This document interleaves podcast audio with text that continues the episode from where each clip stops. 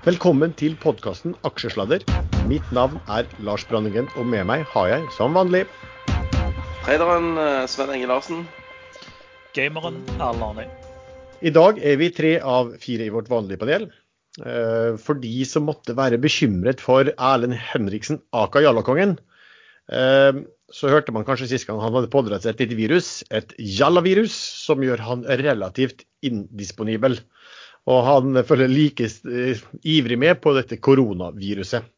Eh, Er det noen av dere som er veldig bekymra for Erlend? Jeg er litt bekymra for hvilken Erlend som dukker opp i sending. Liksom, om det er Diamant-Erlend eh, eller Gameboy-Erlend. Men det er alltid kjekt å ha med en Erlend. Jeg, jeg tenker vi stiller sterkt, sant? vi stiller to. Så det er sånn, Hvis en er nære med Jalla-virus, så stiller han andre. Det er en fin ordning. Vi må ha en disclaimer. Vi gir ingen råd, og hvis du bruker hva vi sier som bakgrunn for hva du gjør i kapitalmarkedet og livet for øvrig, så er ansvaret helt og holdent ditt. Før vi starter på å snakke om markedet og enkeltaksjer, så tenkte jeg vi skulle nevne at Ekstrainvestor har en promoteringstjeneste for børsnoterte selskap. Denne uka hadde vi sending med teknologi- og rådgivningsselskapet Webstep, og deres event er sett av over 4500 unike investorer allerede. Og nå kommer Strongpoint. Strongpoint leverer teknologiløsninger til både butikk og e-handel for europeiske detaljister. Selskapet er i vekst, leverte driftsinntekter på drøye 1,1 milliarder kroner i 2019, og har som målsetting å vokse organisk til 2,5 milliarder kroner i omsetning i 2025. Selskapet har en markedsverdi på 535 millioner kroner på aksjekurs 12,1, og har foreslått et utbytte på nok 0,6 per aksje for 2019. Tirsdag 25.2 klokken 13.00 kommer konsernsjef Jakob Tverrobakk til et åpent live video Q&A-event i regi Ekstrainvestor for å fortelle om selskapet og svare på spørsmål. Utspørrer er ABG-analytiker Petter Nystrøm. Du kan sende inn spørsmål til info.ekstrainvestor.com, som da Nystrøm vil stille live til selskapet. Så, mine herrer, markedet enkeltaksjer. Er det noe spesielt dere har eh, bitt dere merke i den siste uken? Det har vært utrolig mye med sånne kvartalstall og, og regnskap og børsmeldinger. sånn at det har jo skjedd utrolig mye. Eh, og det har vært mye å lese seg opp på. Så eh, både, både godt, på godt og vondt. I tillegg så har det jo vært en del emisjoner. Altså, Vi har sittet her og lurt på hvem er dagens contemplated, eh, ca. klokken 16.30. Så det har vært henta mye penger, og det har vært rapportert veldig mange tall. En update i dag som kom fra Peter Hermanrud faktisk på Q4-tallene. Eh, Så langt så har altså mm, eh, de store selskapene, de på OECBX, de har eh, levert gode tall. De har levert eh, godt over eh, forventningene. Men eh, da må man også huske på at eh, estimatene for Q4 har blitt tatt ned ganske kraftig i løpet av Q4. Ja, De har jo massert de der estimatene he- hele kvartalet, føler jeg. Det er riktig. Så da ender de til slutt opp med å Det med å slå- on, slå. spot on hver gang. Ja, ikke sant. Eh, I USA så er det mm, år, år, year over year så er eh, inntjeningen eh, flat. Eh, det har da vært veldig sterke inntjening eller tall fra IT-sektoren. Forward PE, altså tallene var det som analytikeren tror selskapene skal tjene, tjene neste år. I fjor så bommet de jo for 2019 bommet jo grovt på det. Jeg husker ikke hvor mye de trodde at inntjeningen i snitt skulle, være, om det var 15-20% Det endte vel med stort sett med null. Eh, men forward P-en eh, nå på eh, litt over 14 i Oslo. Og USA ligger da nesten på 19, globalt på ca. 16,5. Men det er altså basert på at analytikernes estimater for neste år eh, treffer, noe de skal vi si med, stor sikkerhet kanskje ikke gjør. Det, Hørtes det, hørtes ut som sånne karakterer du får i hopprenn. Eh, 19, eh, 16, 14, men da er du vel kanskje nede med hånda? ja. du, må, ha ordentlig nedslag, vet du. Ja, Ja. Så, men altså Det man sier, er jo altså, hvis du ser på verden da, utenom USA, så er ikke sånn P-tallene uh, altfor høy. Det, det, er et rekordhøyt uh, gap mellom hva amerikanske aksjer uh, prises til, og hva de prises til rest, i resten av verden. Men du hadde vel også sett litt på, Sven, i forhold til denne historien om vekstaksjer mot verdiaksjer?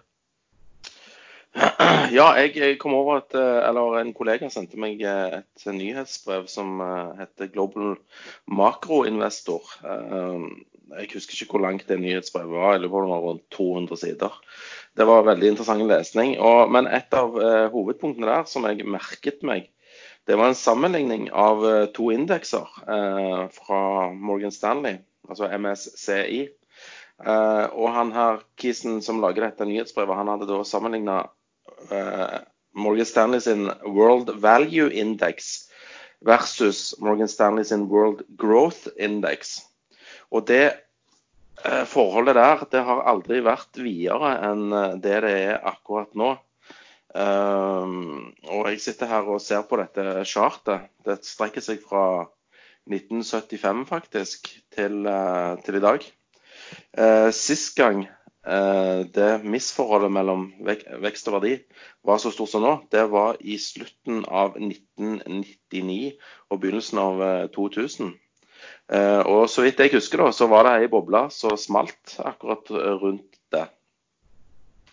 Og mot, altså toppen eh, av denne rangen, den finner vi i 2006.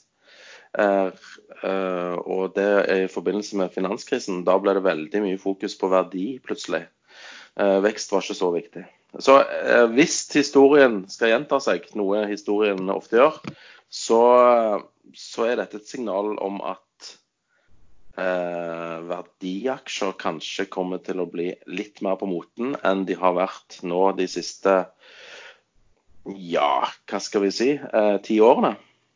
Ja, det har vært i lang tid. Også, eh, jeg var nylig på en sånn forelesning der jeg så også den, eh, de, de, ja, den fremstillingen der. og eh, Sven, vi hadde jo for eh, ikke så lenge siden en dedikert episode her hvor vi hadde besøk i aksjesladder av Peter Hermadrud. Eh, som også snakket om dette. og Han sa vel liksom litt med en viss sannhet at de forvalterne som var tradisjonelle eh, verdiforvaltere, som gikk for verdiaksjer, eh, de hadde vel eh, enten mistet jobben sin eller måtte, eller måtte ble tvunget over i vekst. fordi at Ellers, ellers mistet jo innskyternes penger, som var, som var misfornøyd med at de, de underleverte.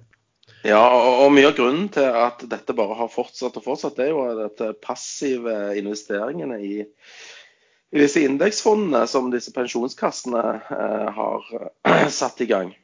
Altså De bare putter mer og mer penger inn i indeks, og indeksen bare går videre. Hjulpet av selskapenes tilbakekjøp og alt mulig sånne ting. Aksjekursene bare fortsetter opp, og spesielt for vekstselskapene. Mens verdi det sakker akterut. Ja, altså, det, nå, nå, kunne det jo vært motsatt, da, men for, for indeks så vil det jo vel være slik at selskap som øker i verdi, eh, blir kjøpt desto mer framover? Pga. at de vekter mer i indeksen, eller hva? Ja, det er jo en selvforsterkende effekt, dette. Det gjør det. Og det, og det som er litt spesielt, og spesielt i USA, da, det er jo at eh, Nasdaq-indeksen styres jo av disse her eh, FANG-aksjene. og de er jo ja. Eh, kombinert verdi på eh, Facebook, Amazon, Netflix og Google det er på 3,2 trillioner dollar det er større enn eh, både det, altså det er større enn det totale aksjemarkedet i både Tyskland og UK på de fire aksjene. Mm. Det er helt sykt å tenke på, egentlig. Hva tror du skjer videre? Altså, kommer vi til å se Nei. noe sånt? No, no, Nei, det må jo skje et eller annet. Men uh, altså, hvorfor skal dette stoppe nå? det er jo ingen logikk i hvorfor skal, vi, skal alle plutselig bare begynne å tenke Oi, nå var det dyrt. Nå har det vært dyrt lenge. Så det må jo skje et eller annet, en trigger, en eller annen katalysator som gjør at uh, folk begynner å tenke litt annerledes. Så, som, en black, som, en black, swan, liksom, tenker du? Sånn at virusinnbrudd eller noe sånt? Ting? Ja, det kunne jo for så vidt vært noe som gjør at f.eks. den økonomiske veksten avtar. Men det, det, går jo for det meste utover verdiaksjene. ja, faktisk. Det, er jo, ikke sant? Det, er jo, det er jo faktisk det du ser, at taperen, tap, altså Vekstaksjene holder seg jo faktisk forbløffende godt når det kommer sånn, den type reaksjoner, mens verdiaksjene farer. de som har inntjening, de, der, kan man, der kan man Ja, det har jo i og for seg fang, da, men, men eh, Jo, jo, jo, jo, jo, men se på disse her, da. OK. Eh, det Virusgreiene fører jo til mye mindre oljekonsum og sånn, og verdien på oljeaksjene relativt til veksten bare forverrer seg. Men altså, eh, fangaksjene, Facebook, Amazon, Netflix og Google altså Sperrer du inn eh, 200 millioner kinesere, kommer de da til å, å, å, å gå og kjøpe olje eller bensin? Nei da. Kommer de til å bruke Facebook, Amazon, Netflix og Google? Ja. Altså, det blir jo bare selvforsterkende, dette her. Ja, de kommer til game. Men det, men det som er litt sånn spennende her, er jo, det er jo faktisk det at du har to krefter. ikke sant? Du har, eller, du har at disse her begynner å vekte tungt i indekser. Og så kommer det hele tida masse nye penger inn i indeksfondet. hva? Det, det, det, blir, det mindre og mindre på aktivt forvaltede fond, og mer og mer penger inn i indekser. Derfor må det, og alle de pengene som kommer inn til enhver tid i indeksfond, de må brukes til å kjøpe disse indeksselskapene, ikke sant? som da fortsetter å stige, også hjulpet av tilbakekjøp. Men det er klart at hvis det, hvis det, her, eh, hvis det her reverseres Da blir, da, blir, da blir det farlig. Ja, da blir det farlig. For da kommer det ikke noe mer penger inn i indeks. Det kommer heller, Hvis det går penger ut av disse indeksfondene, eh, så vil jo disse her bli rammet eh, ekstra hardt. da. Ja, det kommer til å bli morsomt for oss tradere. Ja. Men det kan jo ta når, når, Det, tar jo, altså, det kan jo være død før det, liksom. For det, in, the, in the long run we're all dead, det kommer sier. ja, jo, jo. Ne- eh, Disse her fangaksjene, vet du. Det, mm, dette nyhetsbrevet tar for seg en periode på 60-tallet som var ganske lik det som Fang eh, eh, driver på med i, i USA. Du hadde selskaper sånn som Xerox, Avon, jeg tror det var et kosmetikkselskap, og Polaroid. De var liksom de største selskapene på 60-tallet. De ble kalt eh, Nifty 50. Det var 50 selskap eh, som, som sto for nesten hele, eh, hele børsoppgangen der òg. Men det som skjedde ti år etterpå, var jo at de kollapsa hele gjengen. Så hvis du får en sånn type utvikling fordi at sånn som Netflix de kommer jo til å få konkurrenter. De, de er jo ikke alene lenger om å tilby streaming. Altså, Marginene der som, som andre ser er, er høye, og, og markedet kommer til å bli tatt. Men du har f.eks. sånn som Google. De skal vel slite med å få eh, konkurrenter. Ja. Men det kan vel være at en del av de selskapene der er det vel snakk om at de skal eh, altså Du har sånn konkurranselovgivning og trust og alt der, og at de vurderer at de skal brytes opp i ulike bestanddeler. Riktig. Ja, men Uten at det trenger altså, å, å, å, å, være så katastrofalt for selskapene. Men i hvert fall det Ja, nei, det- det var bare det jeg tenkte på med at historien eh, har en tendens til å gjenta seg. Sånn at eh, ikke se bort fra at disse fangaksjene blir taperne neste tiåret.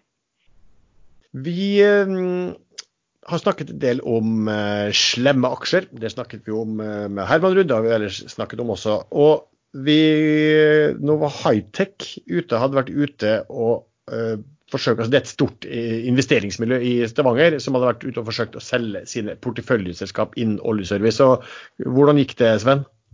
Nei, det gikk dårlig. Men jeg, jeg regner med du snakker om Hightech Vision, som har eh, en hel haug med selskaper i porteføljen sin, både oljeselskap og oljeserviceselskap. Ja. Bl.a. Apply og, og, og, det- og flere av disse større oljeserviceselskapene.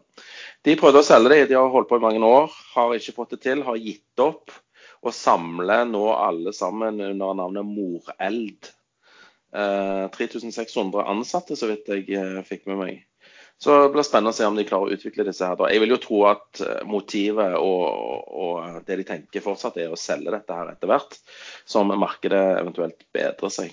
Ja. Men det viser jo at Og de skylder på investorer, de skylder ikke på andre oljeserviceselskap. De er fortsatt interesserte, men de er ikke interessert i å betale særlig mye for dette. her. Og investorer, som eh, sånn private equity-selskap, de, de skyr denne sektoren som pesten. Noe vi har vært inne på et par ganger tidligere. Ja, jeg vet ikke om han, eh, han sjefen fra Hightech Vision sa vet, at det var omtrent sånn svarte natta når de skulle ut og finne investorer som, eh, som ville kjøpe der, som, som kanskje ikke tilhørte bransjen fra før. Nei, Men- nei, det er ingen som vil ha driten. Men har du, har du, har du noen anelse om de har tenkt å ta dette selskapet på børs, eller ser de også at det appetitten på børs er så råtten for den type selskap at de avventer med det også? Jeg tror de må grønnvaske en del av de selskapene før de tør å nærme seg børsen. Altså Det å be om trøbbel og, børsnotere det. Da må de børsnotere det veldig veldig billig. og Det er vel ikke de gutta der kjent for å, å gi fra seg verdier. Nei, det er vanskelig. Det må være litt vanskelig for dem. Og det er kjekt å se at ikke alt går på skinner. Eh, men jeg lurer på om det starta når de kjøpte opp dette Kjøpte seg sterkt opp i Prosafe fra det så har det gått skikkelig dårlig med disse serviceselskapene.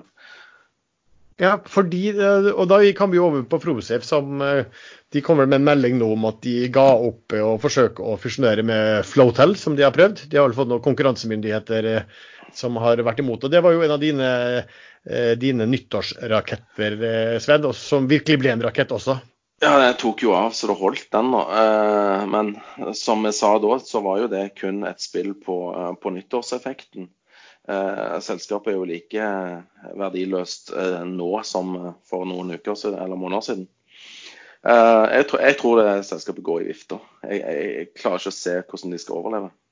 Og I hvert fall ikke når de får, ikke får fusjonert seg med konkurrenten sin Flotel. Jeg tror at begge de to går ja, Ad, ad undas, er det det det heter? Men, men de, de, går vel ikke De blir vel bare overtatt av uh, långiverne, sånn sett. Så, så, så selskapene som sådan vil vel fortsette, men med nye eiere og en, på en eller, annen, en, eller annen restrukturert balanse på et eller annet tidspunkt? Vil ja, men hvem er det som trenger boligrigger, da? Altså, de har vel en utnyttelse på rundt 30% ProSafe. 30 Det betyr 70% av riggene har ikke arbeid. Ja. Nei, eh, det, det, er jo på en måte Eierne kan vel Det kan vel være det vel, Jeg husker ikke helt hvordan finansieringsstrukturen var der, men det er vel banklån som er den dominerende delen? Ja, det er ikke obligasjoner, så vidt jeg har fått med meg i ProSafe. Men i Flotel er det to eh, obligasjoner, og de, eh, de, er på vei mot null, gitt. Ja. Så reelt sett så er det bankene som blir sittende med boligrigger, ikke sant. Det kan jo bli interessant eh, å se hva de skal gjøre med det. Ja, det blir veldig interessant å se. Jeg, jeg, jeg, tror dette går veldig dårlig. Andre selskap som har gått veldig dårlig, det er de selskapene, oljeserviceselskapene som skulle drive med OBS, altså Ocean Bottom Søysvik. De har vel sånne noder på havbunnen. Og så samt aktøren som skulle, aktørene som skulle bistå dem med seismikkskyting. Eh, katastrofal børsutvikling har det vært for Magseis og Axis Geo Solutions og også Seabird, som, som skulle ha båter til å serve den kommende Eh, kjempeveksten.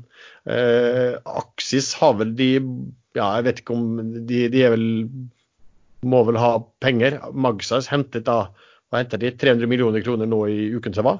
Faktisk uten så, Ja, og det var faktisk veldig liten rabatt i forhold til, eh, til børskurs. Det var vel ikke 20 rabatt engang, mens mange trodde at her kom til å bli 50, 60 og 70% rabatt eh, på det. Det som, var, ja, det, det, det som jeg syns bare var litt fornøyelig, for jeg syns, det er alltid litt gøy å lese, lese, litt spinn fra selskapene, det var jo da at når de kom med Q4-melding og stor emisjon, så var det jo viktig å vise at uh, ledelsen der, for det var jo en ganske ny ledelse, uh, at, at, markedet burde ha tillit til dem. Og da skrev de som følger, følger. Revenue and EBITDA within the guiding rates ranges given by the, given by the new management in October before adjustments for additional costs related to reorganization and restructuring and non-cash elements. Så her måtte skrøyte de på seg at uh, guidingen som kom i oktober fra den nye ledelsen, hadde holdt. Hadde det ikke vært for alle kostnader de måtte ha til reorganisering og restrukturering og ikke cash-elementer, altså dvs. Si nedskrivninger. Så ja. Men uh, emisjonen, den den, den, fikk de eh, i hvert fall uh, satt. Og så gjenstår det å se hva som må skje med Aksjes Geo Solutions. Jeg regner med at du tegnet uh, det du hadde av fri likviditet i, i Magseis i går, Lars, gjorde du det? Jeg holdt meg unna. Jeg var, veld, jeg var egentlig ikke så veldig interessert i det. Jeg føler at det, det er vanskelig å si noen ting om verdier. Og, og, og, Den type selskap har jo sagt så mye rart. altså De har jo sagt så mye om veksten i markedet og de har sagt så mye om forventet inntjening, som har bommet så grovt. At uh, jeg så egentlig ikke noe på det. Jeg hadde aldri tegna med, den, med den lave rabatten, så man, man, kunne jo alltid vurdere det og se på om man fikk det til 70 lavere pris, liksom. Ja, men det nytter jo ikke. for jeg tenkte jo i denne her AGS, uh, Axis-saken, uh, når Fearnley hadde en emisjon for noen måneder siden. Uh, kursen hadde ligget stabilt rundt 15 18, og så emisjonskurs 6 kroner. nå er han 80 øre. Altså, Det nytter ikke om du tar ned eh, kursen 70% når han faller 90 til. Nei, da, og, ja, og kursen i Magesveis i dag har vel falt under eh, eh, emisjonskursen i går også. Men, men, vet vi hvem som tegnte seg i emisjonen i går, eller er det for tidlig til å se ennå? Er det noe som har ute og flagger?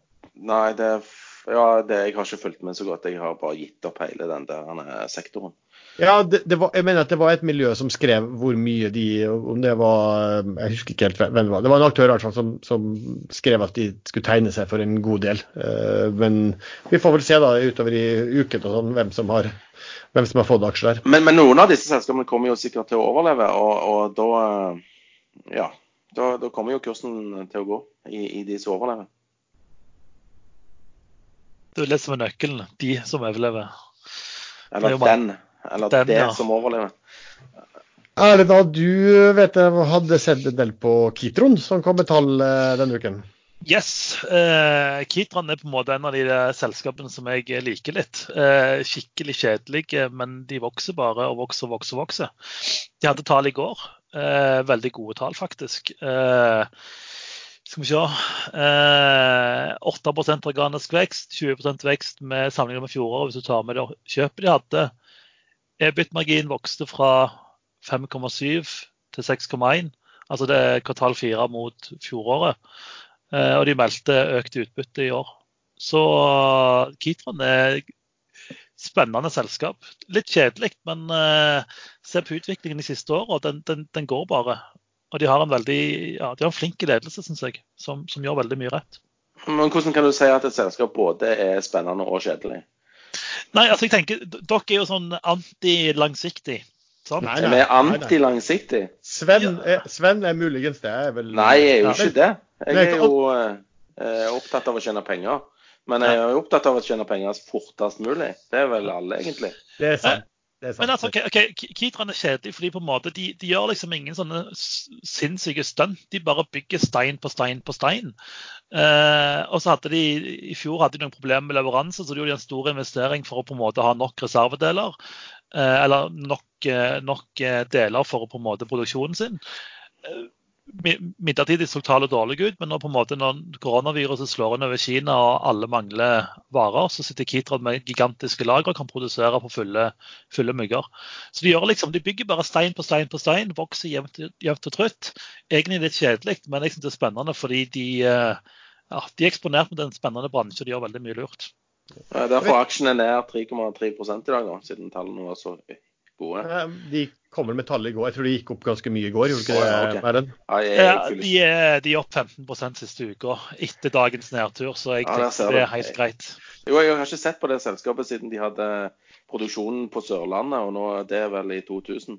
Men da var ikke du, Sven, med eh, til Vilnius på den eh, investorkonferansen hvor Kitron presenterte seg for noen år siden? Nei, jeg var ikke med på den, men jeg har vært med på to andre. Ja. Nei, for da, da, da var jo han eh, Han er vel svensk, han som da er toppsjef. Jeg regner er det fortsatt. Uh, vet han Peter heter han Peter Nei, jeg husker ikke helt hva han heter nå. Men han var i hvert fall med der. Ga et veldig uh, godt inntrykk. Da hadde Kitron slitt i mange år med veldig lave marginer. Og så likte jeg så godt hva han sa om det selskapet som han overtok at han så på de marginene, og de marginene var så tynne sånn, at det var jo nesten altså det, det, han, han tenkte det som, som, bare bytting av penger. Og, og, og, det hadde jo ikke noe for seg å drive et selskap med en risiko hvis du bare endte, endte bare opp med å bytte, penger. altså Pengene inn og gikk, samme pengene gikk ut. Så jeg likte liksom må, måten han tenkte om et selskap på. og Han har jo liksom fått skikk på det selskapet både, både vekstmessig og, og, marginmessig, så har gjort en, en veldig solid jobb. Hva er det egentlig de gjør for noe? Eh, de lager elektronikk, så de er bl.a. hoffleverandør til Kongsberg. Eh, så de er eksponert mot alle disse her store prosjektene til Kongsberg, F-35-prosjektet de er med i, eh, NASAM, NSM, JSM. Okay, altså alle, ja. alle disse her er store eksportgreiene. Eh, og Det Kitron har gjort som er sinnssykt lurt, det er jo at de har fabrikker i, i veldig mye forskjellige land. Samtidig sånn i Norge, Sverige, Litauen, USA, Polen. Og det som er greia når man kjøper våpen, for dette er jo våpensystemer, er jo at det er alltid gjenkjøp. Men i og med at Kitron på en måte har fabrikker i USA, så når da USA velger å kjøpe norsk NSM eller JSM, da, så kan på en måte produksjonen skje i USA, og dermed så, så løser man den der gjenkjøpsbiten. Så Kitron har gjort veldig mye lurt. Eh, så jeg, nei, jeg syns de, de er spennende. Det er sånn kjekk aksje å ha i porteføljen for de som er langsiktige. Og så er den veldig grei å trade rundt eh, Q-resultater. tenkte jeg skulle nevne to selskap i to ulike bransjer som, som egentlig driver innenfor eh, prosjektering og engineering. Og, og, og egentlig, Kitron kunne jo også vært eksempel i, i forhold til det. Men det eksempelet jeg vil ha, det bare viser vi- hvis du er i en litt hype-bransje, hvilken prising du kan få i forhold til de som er mer tradisjonell bransje. Og da tenkte jeg skulle se, eh, ta uh, Wow, altså gamle Scanship, som da er innenfor eh, miljø eller rensing, og spesielt da innenfor cruiseindustrien mot Norbit, som er mer industriteknologi. Eh, driver innenfor altså, hav, ocean med, med ja, sonarteknologi og sonarprodukter sånn sett også. Og også innenfor type sånn trafikkprodukter, trafikkstyring eller hva det er. for noe. I alle fall, det var litt morsomt å se på forskjell på prisingen av dem. Altså, Wow prises nå til en PE på 100 på 2019-tall. Wow. Og nord, Nor, Nor, mens Norbit prises til en PE på 13. Altså det ene har P100, det andre har P13.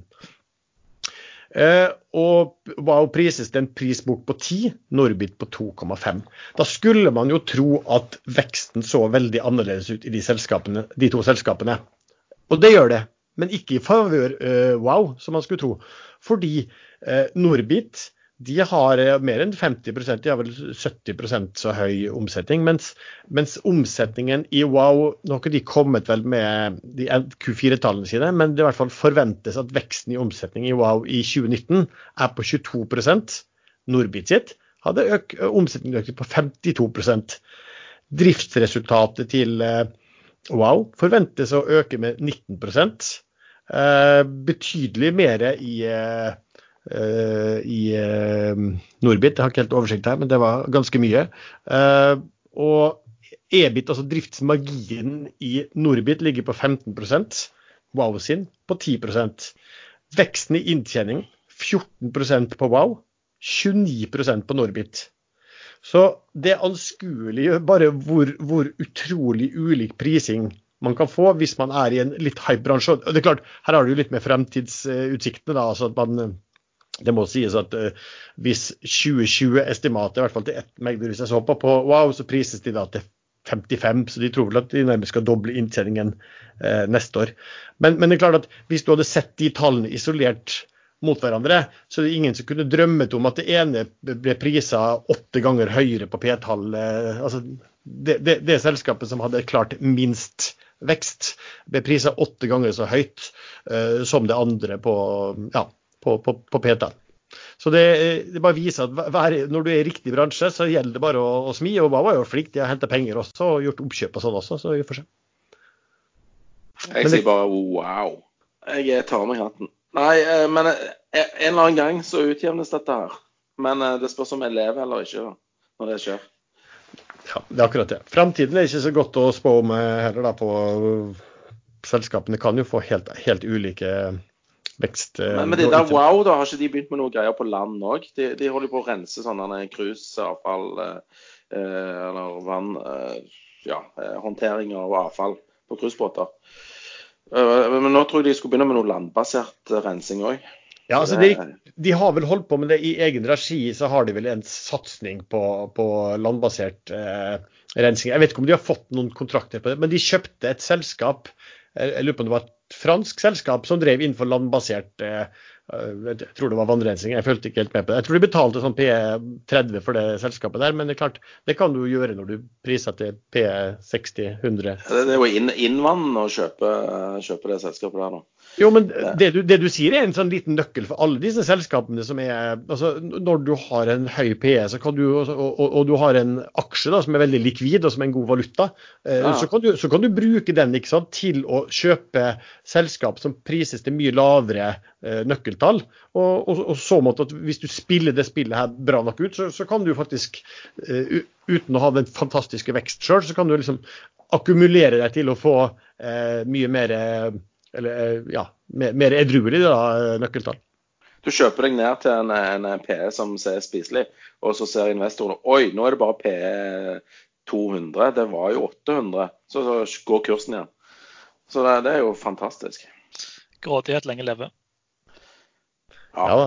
Vi får vel se hva som måtte skje på den. Noen som har fulgt med noe særlig på um, um IPO, altså BV Offshore som skulle ut med BV Energy? Jeg har, jeg har, bare registrert at prisingen har uh, blitt redusert i tråd med antall døde kinesere. Ja, jeg noterte meg at den uh, kom, men jeg har ikke sett noe på den. Ja, det er oljebiten til, til BWO som skal bli til BWE. Bytte ut O-en med uh, offshore med energy. Ja, Nå er det vel flere steder, men sånn i hovedsak så var jo BV Energy altså den delen som eh, gikk inn og kjøpte store deler av Dusafu-feltet. Fra eh, Harvest Natural Resources. Riktig, de, hus de husker de. de ja, det var et godt selskap. Det var treda mye Panoro basert på, på kursen i Harvest og nyhetene for Harvest. Ja, han, vel, han, var vel alltid, han Harvard-sjefen var vel alltid fantastisk eh, optimistisk på uh, alt. Og det, det, var jo ikke grenser hvor store verdensselskap som sto i kø for å kjøpe hans uh, asset der, men det, ja. De, måtte vel legge, de la vel ned selskapet til slutt. Kjøp, altså, men det var jo sånn at um, nå, nå, nå, må du si at Jeg satt jo i styret i Panoro, så jeg kjente jo Dusafu ganske godt. Uh, og så falt jo oljeprisen noe Eh, voldsomt. Og interessen ble jo da borte i den perioden der hvor oljeprisen falt fra 100, til, 100 dollar til 30 dollar. Og så satt man da Panoro hadde en del penger, men ikke til å utvikle det. Så satt de med dette Harvest Natural Resources, som var ja, De hadde heller ikke så mye penger. nei, ikke sant. De hadde, de, hadde, de, hadde, de hadde, forkjøpt seg på assets i, i, Venezuela som de aldri uh, fikk penger fra. Kom seg, kom seg, aldri ut av, i alle fall. Så, så da satt, satt, man der med en operatør da, på dette Dusafi-feltet som som var helt håpløs, rett og slett. Og så gikk BV Offshore inn og kjøpte ut uh, disse Harvest. Og det var jo da en fantastisk uh, bra også for Panoro, ikke sant? for da, da, gikk det plutselig an å få utviklet det feltet. Og, og i den dealen så lå det også at, at BV dekte en del av kostnadene da, til Panoro, slik at de kunne være med og, og holde i hvert fall den restandelen de satt med, til feltet kom i produksjon. Ja, men, men, tror ikke du at eh, BV Offshore egentlig eh, tok den andelen for å kunne få i gang en av FPSO-ene sine? De hadde jo en del FPSO-er som bare lå der og ikke hadde arbeid. Så på, for å få drift på FPSO-ene, så tar de også og kjøper oljefelt. Jo, det, det, er helt åpenbart at de gjorde det. ikke sant? At de ikke brenner inne med det. De, de satt med FPSO-er, og så så de at OK, eh, vi må få satt de i bruk. Eh, og da kunne de gå ned på prisingen på det, ikke sant? men, men da, ville, da, ville, også eh, break even på utviklingen av det feltet være bra. Ikke sant? Eh, det var jo veldig stor skepsis da, til at de skulle Ja, dere kan jo ikke drive oljeselskap, dere driver jo sånn FPSO-selskap. Men det ser jo ut som de kritikerne der må spise i seg de ordene. Jeg husker ikke hva Jeg mener at de var snakk om også at de hadde brukt også rådgivere, et, et team eh, som hadde veldig god innsikt i akkurat altså som, som, hadde vært involvert i produksjon og utvikling av naboblokken til Dusafu. Altså Dusafu ligger da utenfor Gabon. Eh, sånn at de hadde folk som kunne eh, biten der eh, veldig godt. Og, og, så kan du si at i den perioden her da, så var det jo svarte natta for, for uh, mange oljeselskap. Så det var jo ikke noe stort problem å få tak i folk heller som hadde veldig god uh, kompetanse. Eh, nå vet jeg, nå har det vel også andre steder eh, forutenom eh, Gabon eller Dusafu som de er involvert i. Men jeg har ikke sett noe særlig på, på, det, på det, prospektet. Jeg bare registrerte at de måtte kutte Så De hadde en kursindikasjon da, som var 34 til 36 eh, kroner per aksje, og den skal nå, er nå satt ned til å bli 24,50. Om det er billig eller dyrt, det beats me. Ingen anelse. Skal du tegne? Eh, Frist på mandag. Det, det kan faktisk altså, jeg, er litt skeptisk i hele tatt til å bare dytte noe særlig penger inn i, i, i um, olje, og er litt skeptisk til å dytte penger inn i type IPOs og emisjoner. Altså, ser nesten litt for ofte for tida at det, OK, man sier at prisen, og vi gir rabatt på den prisen, og vi setter ned prisen, og så, og så en gang det med en gang, med en gang emisjonen er satt, så bare detter kursen under den med en gang. Ja. Jeg, jeg, var med faktisk med på en emisjon her i forrige uke. og jeg tror jeg det var. Nordic Mining. Den ble faktisk bra. Ja, for den, der fikk du, men der fikk du levert aksjer sånn umiddelbart også, var det så? Ja, stemmer det. Men, men eh, det skjedde jo i denne her uh, uh, NRC, som godeste Nilsen beisa litt her når han var gjest i sendingen vår det, de, de, måtte jo òg senke den uh, kursen uh, i forbindelse med emisjonen kraftig. Til 37, og nå er den nede på 35. Ja, og hva, og hva, var den på før de, altså når de beslutta å gjøre emisjon? Hvor mye rabatt måtte de NRC Group gi? Nei, Den lå vel 47, så ble den satt på 37. Det er 10, ja. 10 47-deler. Ja. Og da hadde den jo falt, ja, over 20 da, da, i så fall. Da hadde den jo falt en del også. Jeg husker jo at Thomas Nilsen var jo veldig Han var spesielt skeptisk til NRC Gruppe og kanskje Regnskapet, da. Regn, regnskapet og hvordan de kanskje hadde, hadde um, inntektsført på prosjektene som viste seg at det, de ble dårlige. Og det var jo også sånn at de gikk vel ut og varslet oss om jeg tror, ganske betydelig nedskrivning på, på noen av de prosjektene som da altså Man antok at de ville gå med tap. Har peiling, han da Nilsen sånn. Ja, han så, han, han så tegninga, han. Ja, veldig bra. Så, men der kan vi jo nevne at det er en dedikert episode vi har med, med Thomas. og Den dreier seg om eh, aksjeanalyser og regnskap og analytikere. Eh, som vi spilte inn og la ut da rett før nyttår. Eh, der snakker vi om NRC Group, vi snakker om XXL. Så det er veldig mye eh, relevante eksempler. Og hva man, hva man skal si etter, hvilke faresignaler man kan se i i regnskap før det slår fullt ut eh, på børs. Erlend, har du tenkt å tegne i denne BV, eller BW? Nei, jeg styrer langt unna, faktisk. De driver jo ikke med spill, så da eh, Det er jo et så... spill da på oljeprisen? Det stemmer, det. Det er jo et spill om pengene dine. Litt kasinodrift, kanskje. Nei, jeg eh, styrer langt unna, faktisk. Det, det, jeg, jeg, sitter faktisk og vurderer om jeg skulle tegne, da, siden kursen har kommet ned så, så mye. Men uh, jeg, jeg, vet ikke, altså. Men uh, det, det, er jo kjekkere å kjøpe på 24 enn 34, tenker jeg. Bra. Det, det, er riktig, Sven. Det... Så, så, så, så, kan jeg kjøpe om min, min enkle analyse sier i hvert fall at det er billigere å kjøpe på 24 enn 34. Ja, men Sven, Hvis du kjøper 24 i emisjon, så kan jeg kjøpe på 4 om to uker. Som er liksom eh... Ja, Men han står ikke i 4 om to uker. Ja, Det vet vi ikke ennå. Ja, da må de, da må de uh, splitte i seks. Ja, da må det, må det være militærkupp en del steder i Afrika ja, jeg tror hele Gabon må eksplodere. For ja, ja, ja. Gabon! Gabon. Plutselig kommer koronaen der òg, så det, står det i fire. Ja, men det, jeg, jeg, så det kom en notat fra Megler som sa det, som at de mente at price nav på forward oljepris da var på 0,43 på den uh, nye IPO-kursen. Men som sagt, altså, Nav-betraktninger fra meg, det, det, kan legges eh, så mye i det. Jeg hadde en sånn liten sånn betraktning på det som jeg skrev på Ekstrainvestor i uken. Fordi vi nevnte jo i forrige sending at, eh, at Sparebank1 hadde gått ut med en ny analyse av eh, Nell. De hadde altså doblet kursmålet fra 10 til eh, 20 kroner.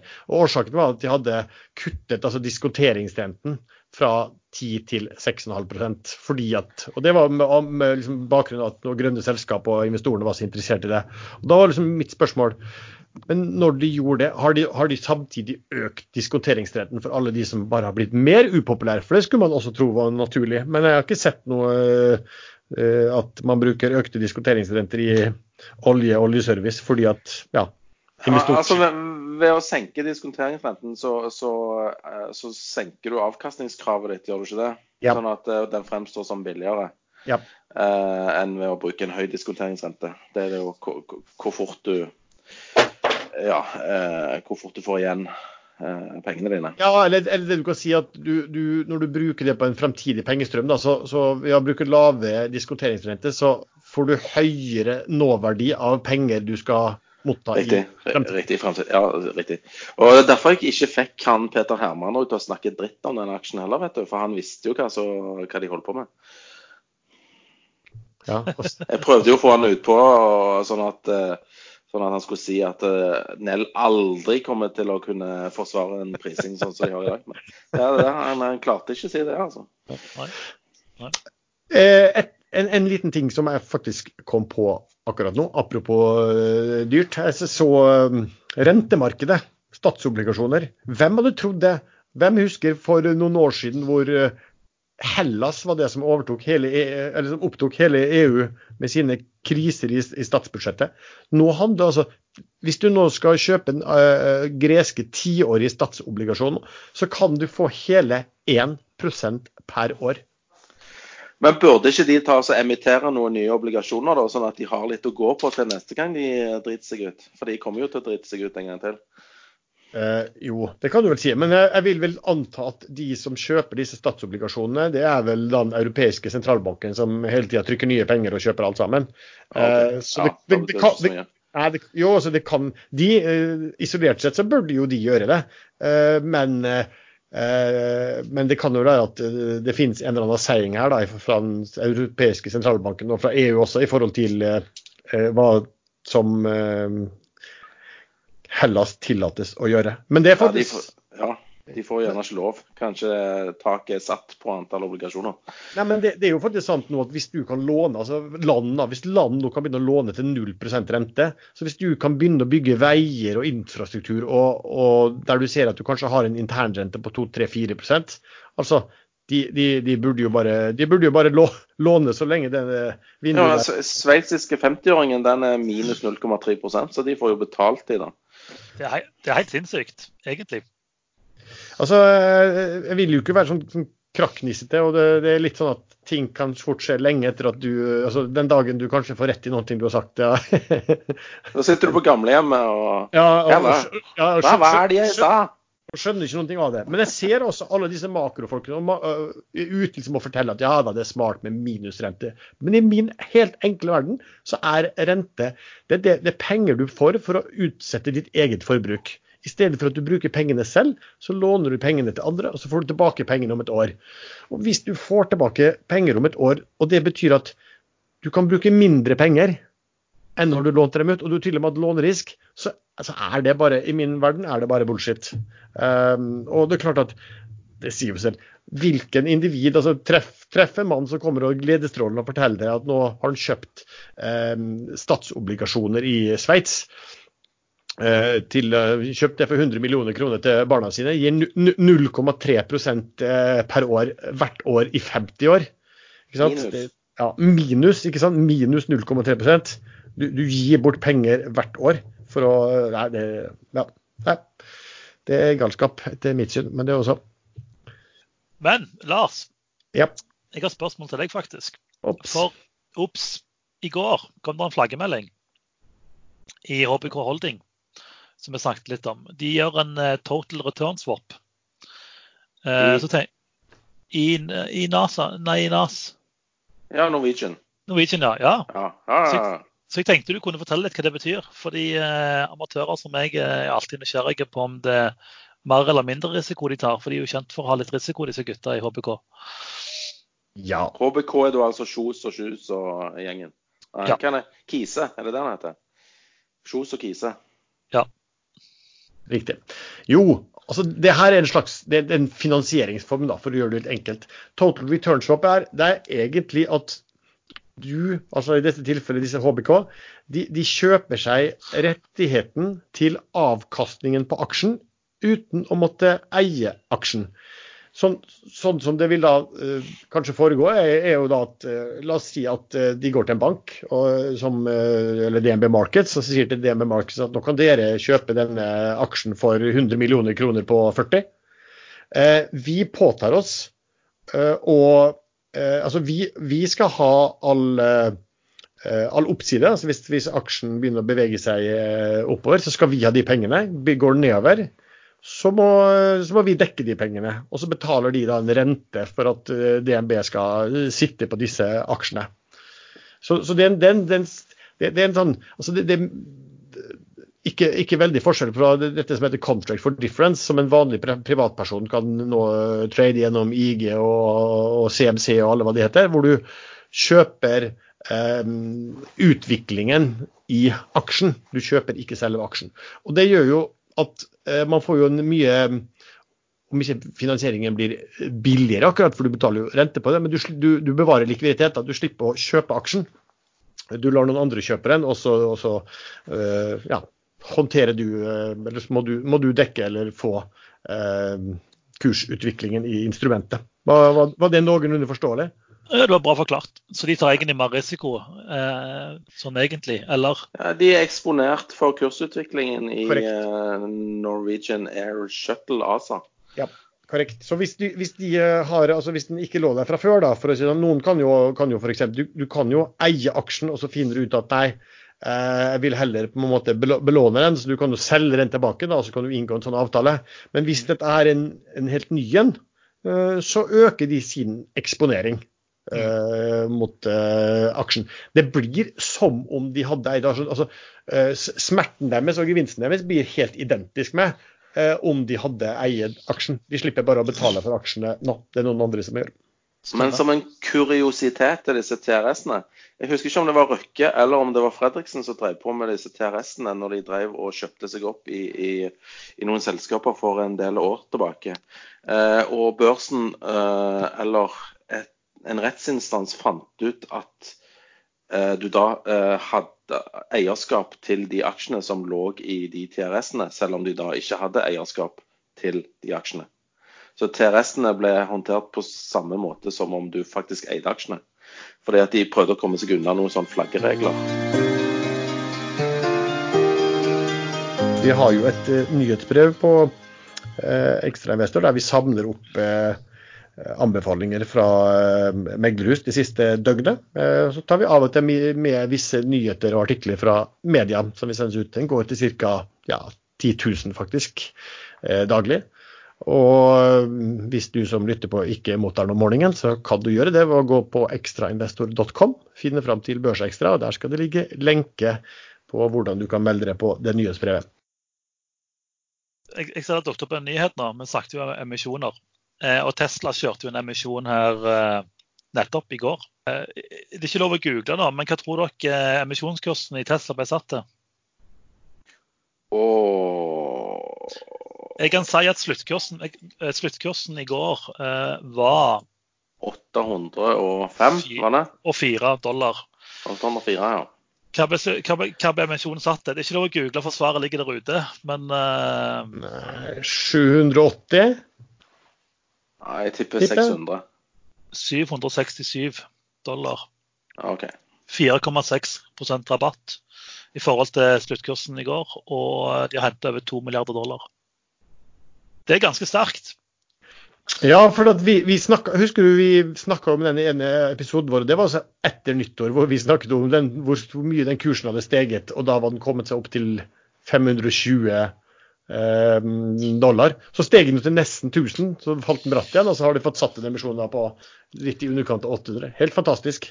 Ja, de er veldig flinke. Eh, og, men det er veldig bra biler, da. Det, det skal de ha. Det er ikke, sånn, ikke sånne som brenner i Stavanger, er det det? Var det sånn?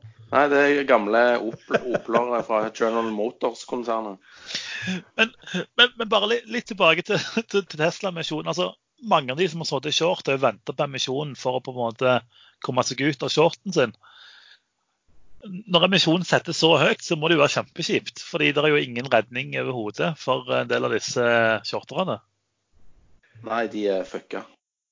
Erlend Henriksen hadde vel en, i forrige episode en liten sånn forelesning også om at dette var mer enn et dette kunne ikke sammenlignes med tradisjonelt bilselskap. Ergo kunne du heller ikke sammenligne de med nøkkeltallene til Ford eller hva det måtte være. Ja.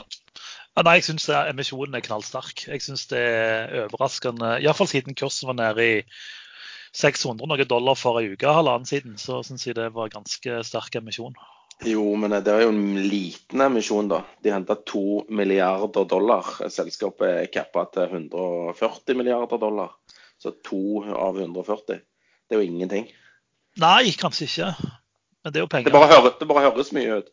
Ja, For oss nordmenn så er det mye penger. Ja. 20, 20 milliarder, liksom. Han burde sende en ny sånn tweet. eh, 'Funding secured 767' istedenfor 'Funding secured 420'. Ja, Ja. stemmer det, faktisk. Nei, for jeg, jeg leste de trengte 3,5 milliard dollar til den her tyske fabrikken sin, så det var litt av de pengene der de har henta. De bygger jo en ny gigafactory i Tyskland. Ja, de gjør kanskje det. Jeg- kjenner ikke caset sånn kjempegodt. Men eh, er det det de skal, er det, det de skal Det har de vel kanskje finansiert før, men eh, er det det de skal bruke noe penger til, eller? Eh, det står bare Tesla har opplyst at nettoprovenyet til å styrke balansen og gener generelle selskapsformål. Ja. Er det dette emisjonspengene mine går til? Ja. Sånn er det. Uh, ja, et annet selskap vi kan uh, gi et lite spark til, uh, det er jo det som da heter Endur. Gamle Bergen Group fusjonerte med Endur. altså De gikk en fusjonsavtale i høsten 2018, da, så ble det vel endelig klart at de fusjonerte i 2019. Hvis jeg husker litt der, så fikk det, dette Endur som de, de aksjonærene til Endur som de fusjonerte med, de fikk vel over 50, eller ca. 50% av hele selskapet. Og da var det jo ikke måte på hvor dette skulle styrke hele det sammenslåtte selskapet, og hvor stabile de skal bli. Men i dag så melder altså da Endur at eh, hele Endur-delen, den gamle den delen Bergen Group fusjonerer med, hele den delen her er gått konkurs. Så eh, det var jo ikke noen eh, strålende fusjon, da, for å si det sånn. Du fusjonerer med noen som, er, som, som, som konker et år etterpå. Nei, la, la oss sparke de som ligger nede. Det er jeg helt for. Jeg trodde bare du så. Ekstra. Nei, eh, Nei, det var- en- Endur Altså, Det var før, før så heter det Bergen Group, liksom. Det er i hvert fall en grunn til å shorte det når det heter noe med Bergen. Men uh, Endur The Endur is near. Det var vel ikke Altså, noe det, det var, nei, det lå vel i navnet.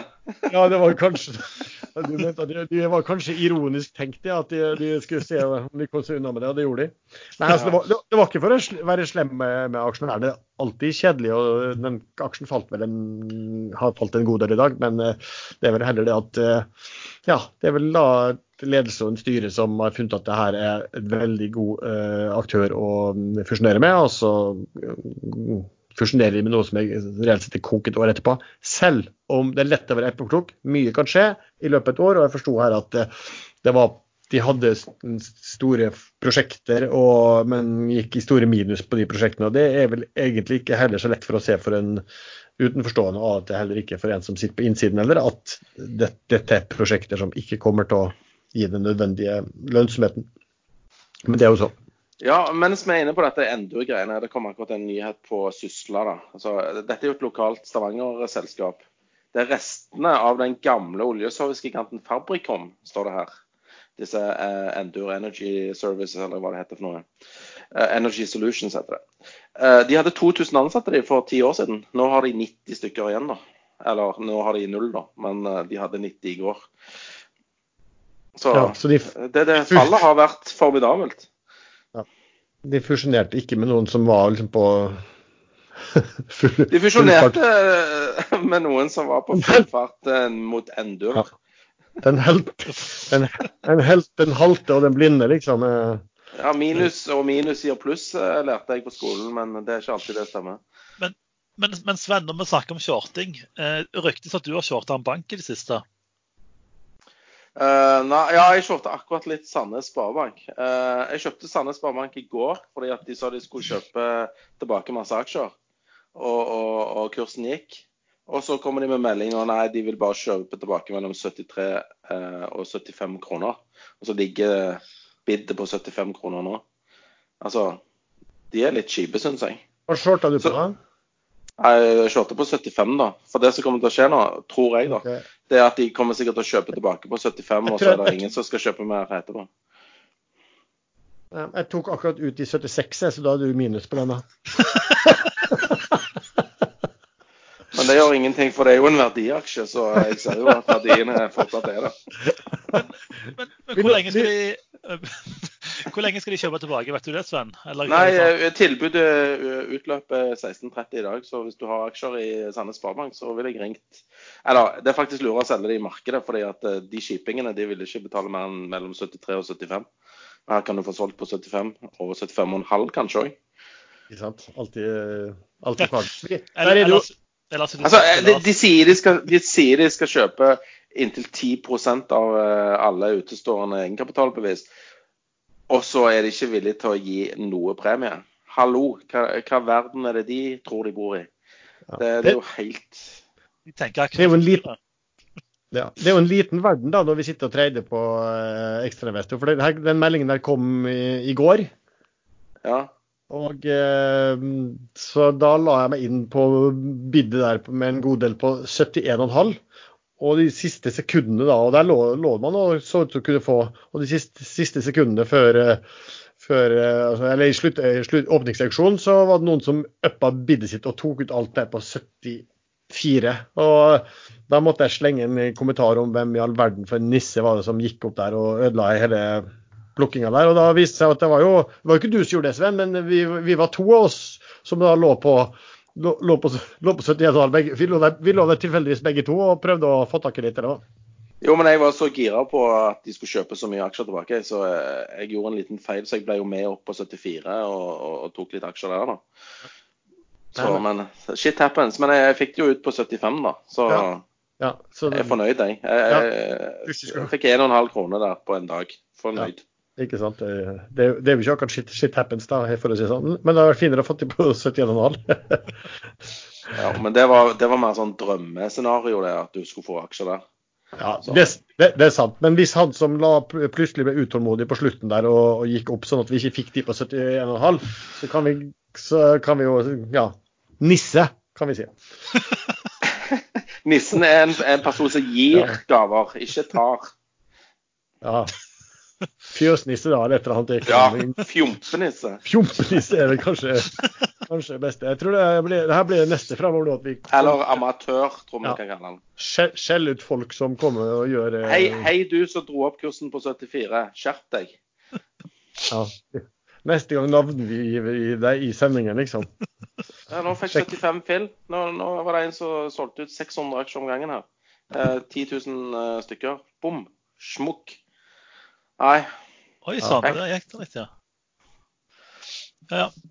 eh, Vi hacka. Det er det jeg alltid sier, Lars. Det er noen som har eh, kobla seg inn på den der ruteren din der på, no, på Notodden. Nesodden var det vel. Nesodden, Notodden, det to ting er samme. Tomato, tomato. Eh, ja, men OK, skal vi gå over fra uh... Ja, Vi må snart uh, bli ferdig nå, for jeg må snart hente noen på skolen som ikke har bein å gå på hjem. Så. Ja, men det skal vi gjøre. Men jeg hadde regna med at dere to ville fortelle om dere hadde noen sånne spesielle tips, favoritter akkurat nå. Ja, jeg, jeg ligger jo ei uke Jeg er ei uke for seint ute med dette her, da. Fordi at jeg stolte jo på dere og skulle ta oss og formidle et gullcase til våre lyttere forrige fredag. Uh, Nodel. Dere klarte jo nesten ikke å uttale tikkeren engang.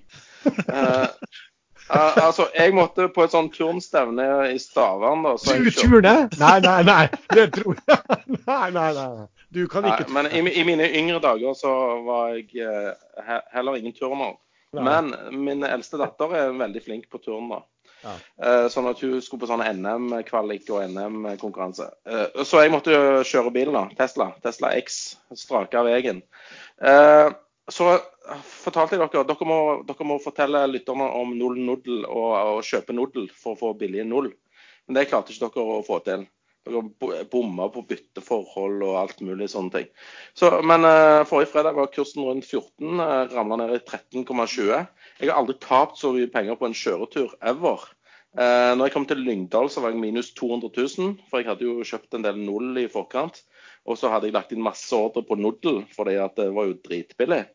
Så jeg fikk jo fill vet du, fra 14,5 ned til 13,5 mens jeg da kjørte. Eh, og så la jeg inn mer ordre i Lyngdal. Eh, fortsatt eh, vi skulle besøke noen stekninger eh, ut forbi Arendal. da. Så jeg kom fram så jeg faen ned 400 000. Eh, det, det var litt av en tur. Da var jeg litt sur etterpå. Jævla turnopplegg, altså.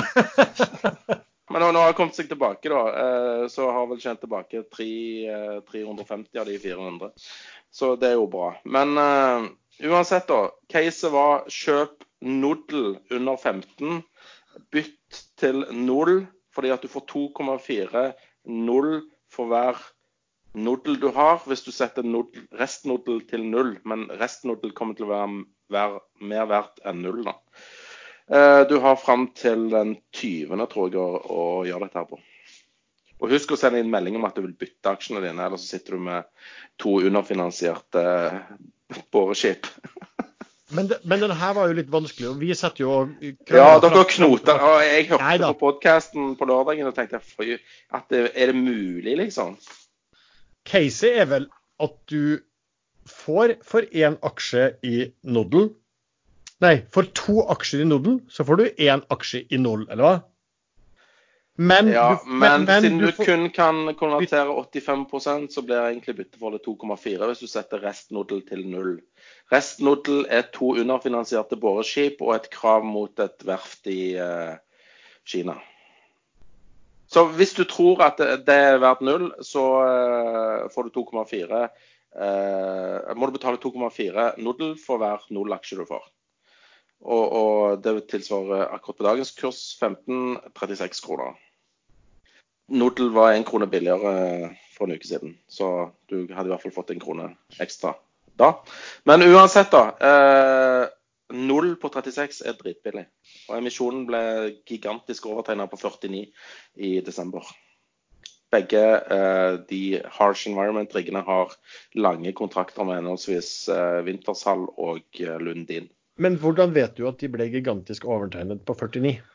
Eh, fordi at jeg fikk eh, den beskjeden fra meglerhuset jeg tegnet hos. Jeg var liksom heldig som en liten investor og fått aksjer. Noe i etterkant viste seg ikke var heldig likevel. Oi, oi, oi. Jævla selgere, vet du. Ja, og vet du hva det verste er? Vet du hva det er? Når de hører denne podkasten, for vi vet jo at det er utrolig mye folk rundt i meglerhusene som hører på den podkasten. Når de hører Ja. på den her, da sitter hele gjengen og De gråter. humrer. Ja, ja. De kommer til å seg i stolen. Om, han, om, han, om han, han, og han som trodde at dette her var så enorm interesse for, liksom. Vi måtte ringe. Vi måtte ringe de enkle og faderløse for å få penger inn på slutten, liksom. Neida, det, det Nei, men vet du hva? Jeg, jeg ringte faktisk inn sjøl, for jeg var så gira på den emisjonen å være med. Det, det så bare så bra ut. Eh, normalt sett så ringer de ikke hvis de, de har gode case, vet du. De ringer kun når de ikke klarer å få fylt opp.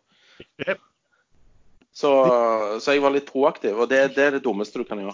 Nei, det, det, nei det, det er feil. Det er når de ringer til deg du ikke skal ta telefonen. Men når du ringer sjøl, så, så har du faktisk et eh, Ja, da har du faktisk noe å fare med. Det har jeg erfart mange ganger nå etter hvert. men, Det løy at, at du aldri lærer liksom før det er for seint. Men i denne gangen så, så kjøpte du på 49, og så har den falt til 36, da. Så eh, kanskje ikke Ja, jeg, jeg kjøpte jo på 32 òg mens jeg kjørte bilen. da. Ja. ja. Så det Men, de, men, fint, fint, opplegg. Men, men eh, de to Altså, det, det som da skjer, er jo at de som da eier eh, Nodel, eh, som melder inn at de vil bytte 85% av sine aksjer til eh, å da få én ny eh, null per Nodel. Ja. Det som i praksis skjer, er at Nodel kjøper tilbake sine egne aksjer og betaler med sine aksjer som de eier i null. Ja. Så det er egentlig et tilbakekjøp eh, Nodel driver på med. Ikke sant? Med betaling i Null-aksjer. Men så er det sånn at Null, som du, hvis du er aksjonær i Nodel og melder inn at du vil selge, så får du aksjer fra Nodel i Altså du får null aksjer, og Null har bestemt for at de skal gå på børsen, og det er planlagt gjort nå helt i slutten av måneden, men ja, par ukers tid. Ikke det, Det er stemmer. Det stemmer. Og, men uh, skrekkscenarioet er jo at disse aksjene skal bli null verdt. Og, og ikke Nodel verdt. Jeg tro- tro- trodde målet var å snakke opp aksjen, så han ikke snakker ned. Nå har du skremt Det sånn kebab Ja, det ble bare tull. Men det, det, dette var egentlig ment for å kjefte på dere, at dere ikke klarte å selge inn dette caset. Dere kunne blitt verdensberømt. Da liker jeg caset mitt bedre. Eh, Nei, nei, nei. Ja. Eller Ja, OK, kjør. du Nei, nå, nå, ja, jeg skulle prøve eh, Jeg glemte det nå. Ja, du kan tenke mens jeg snakker om eh, sp spillene mine. Nei, Jeg har jo snakket om Embracer Group i flere uker på rad. Den tuter videre. Er på 88 nå. Eh, de har rapport den 19. i andre, altså om eh, neste uke. Og den 27. februar så skal de på Pax East. Svært spillarrangement i USA. Sannsynligvis dropper de masse nye titler der, håper vi. Eh, De skal òg til Pareto 3. mars og prate i Stockholm på sem- spillseminaret deres. Så vi rir den videre. Den eh, skal nok eh, høyere, tenker jeg. Det er liksom det eneste tipset jeg har denne uka, faktisk, som er spennende. En annen kuriositet, da. Eh, budet på Funcom er ikke godkjent av børsen. Det budet som eh, kineserne kom med. Eh, Det er med koronavirus, vet du. Da klart det tar litt tid, da. Det tar tid. Ja. De må litt- skanne alle papirene. Ja, to, to, to, to dere, de må skanne papirene.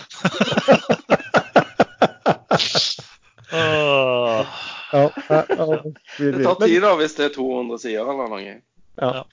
Nei, men uh, da har vi vel holdt på uh, lenge nok denne gangen også, da. Jeg venter jo på tipset ditt, Lars. Ja, uh, du får vente litt til på det. Jeg Overlate til de andre å komme med tips. og da, det, det fine med det er at da eh, slipper jeg å bli fortalt at eh, dere har podkast for at du skal eh, dytte, dytte, dytte dine tips over på folk. Det er, alltid, det er alltid en del som gjerne vil fremstille ting sånn, så da kan det være greit at det overlater jeg til eh, trygt til dere.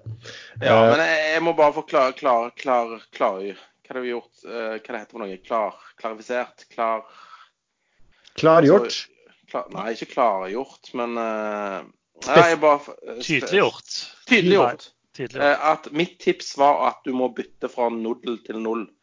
Det var ikke en generell uh, anbefaling å kjøpe nuddel nå, liksom. Det var i forrige uke. Nei, det er bytteforholdet det går på, ikke sant? Ja. Det er null som er, det null som er aksjen som har verdi. Null, Altså null verdi. null verdi. Null verdi, ingen verdi. Ja, null verdi, verdiaksjen null. Ja, det jeg håper ikke en tikker. Det er liksom, det er litt sånn alle en, Endureren er det der, altså. Og Ja, alle som snakker kebabnorsk, eh, ja, kan ikke kjøpe denne aksjen? Den har null verdi.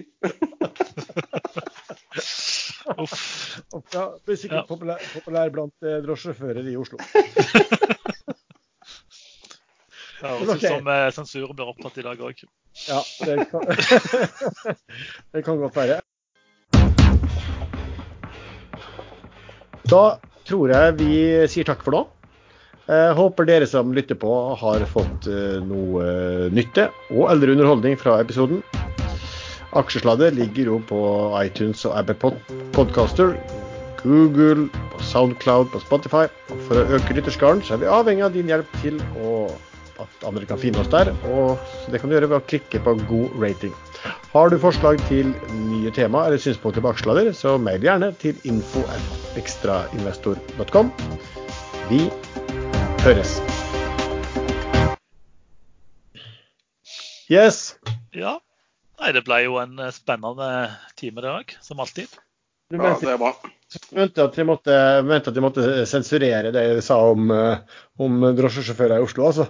Nei, det var, Nei, den det er var bare kebabnorsken til Sven, tenkte jeg. Å, nei, nei, hva faen. Det gjør de jo. Har du, sett, har du ikke sett den serien de har to episoder av, den som heter Førstegangstjenesten? Jo, det er en kanon. Den er Eh. Eiendomsprisene på Haugenstua har jo gått rett i taket. Den er, den er så bra. Han, er, han, er, han, han nissen som skulle på skytebanen, endelig brøler han til Valhall og sette på maskingeværet. Har du, har du sett det, Erlend? Nei, ikke sett det. Du, du, Men må, eh, du må se den. Altså, det er faktisk dritbra.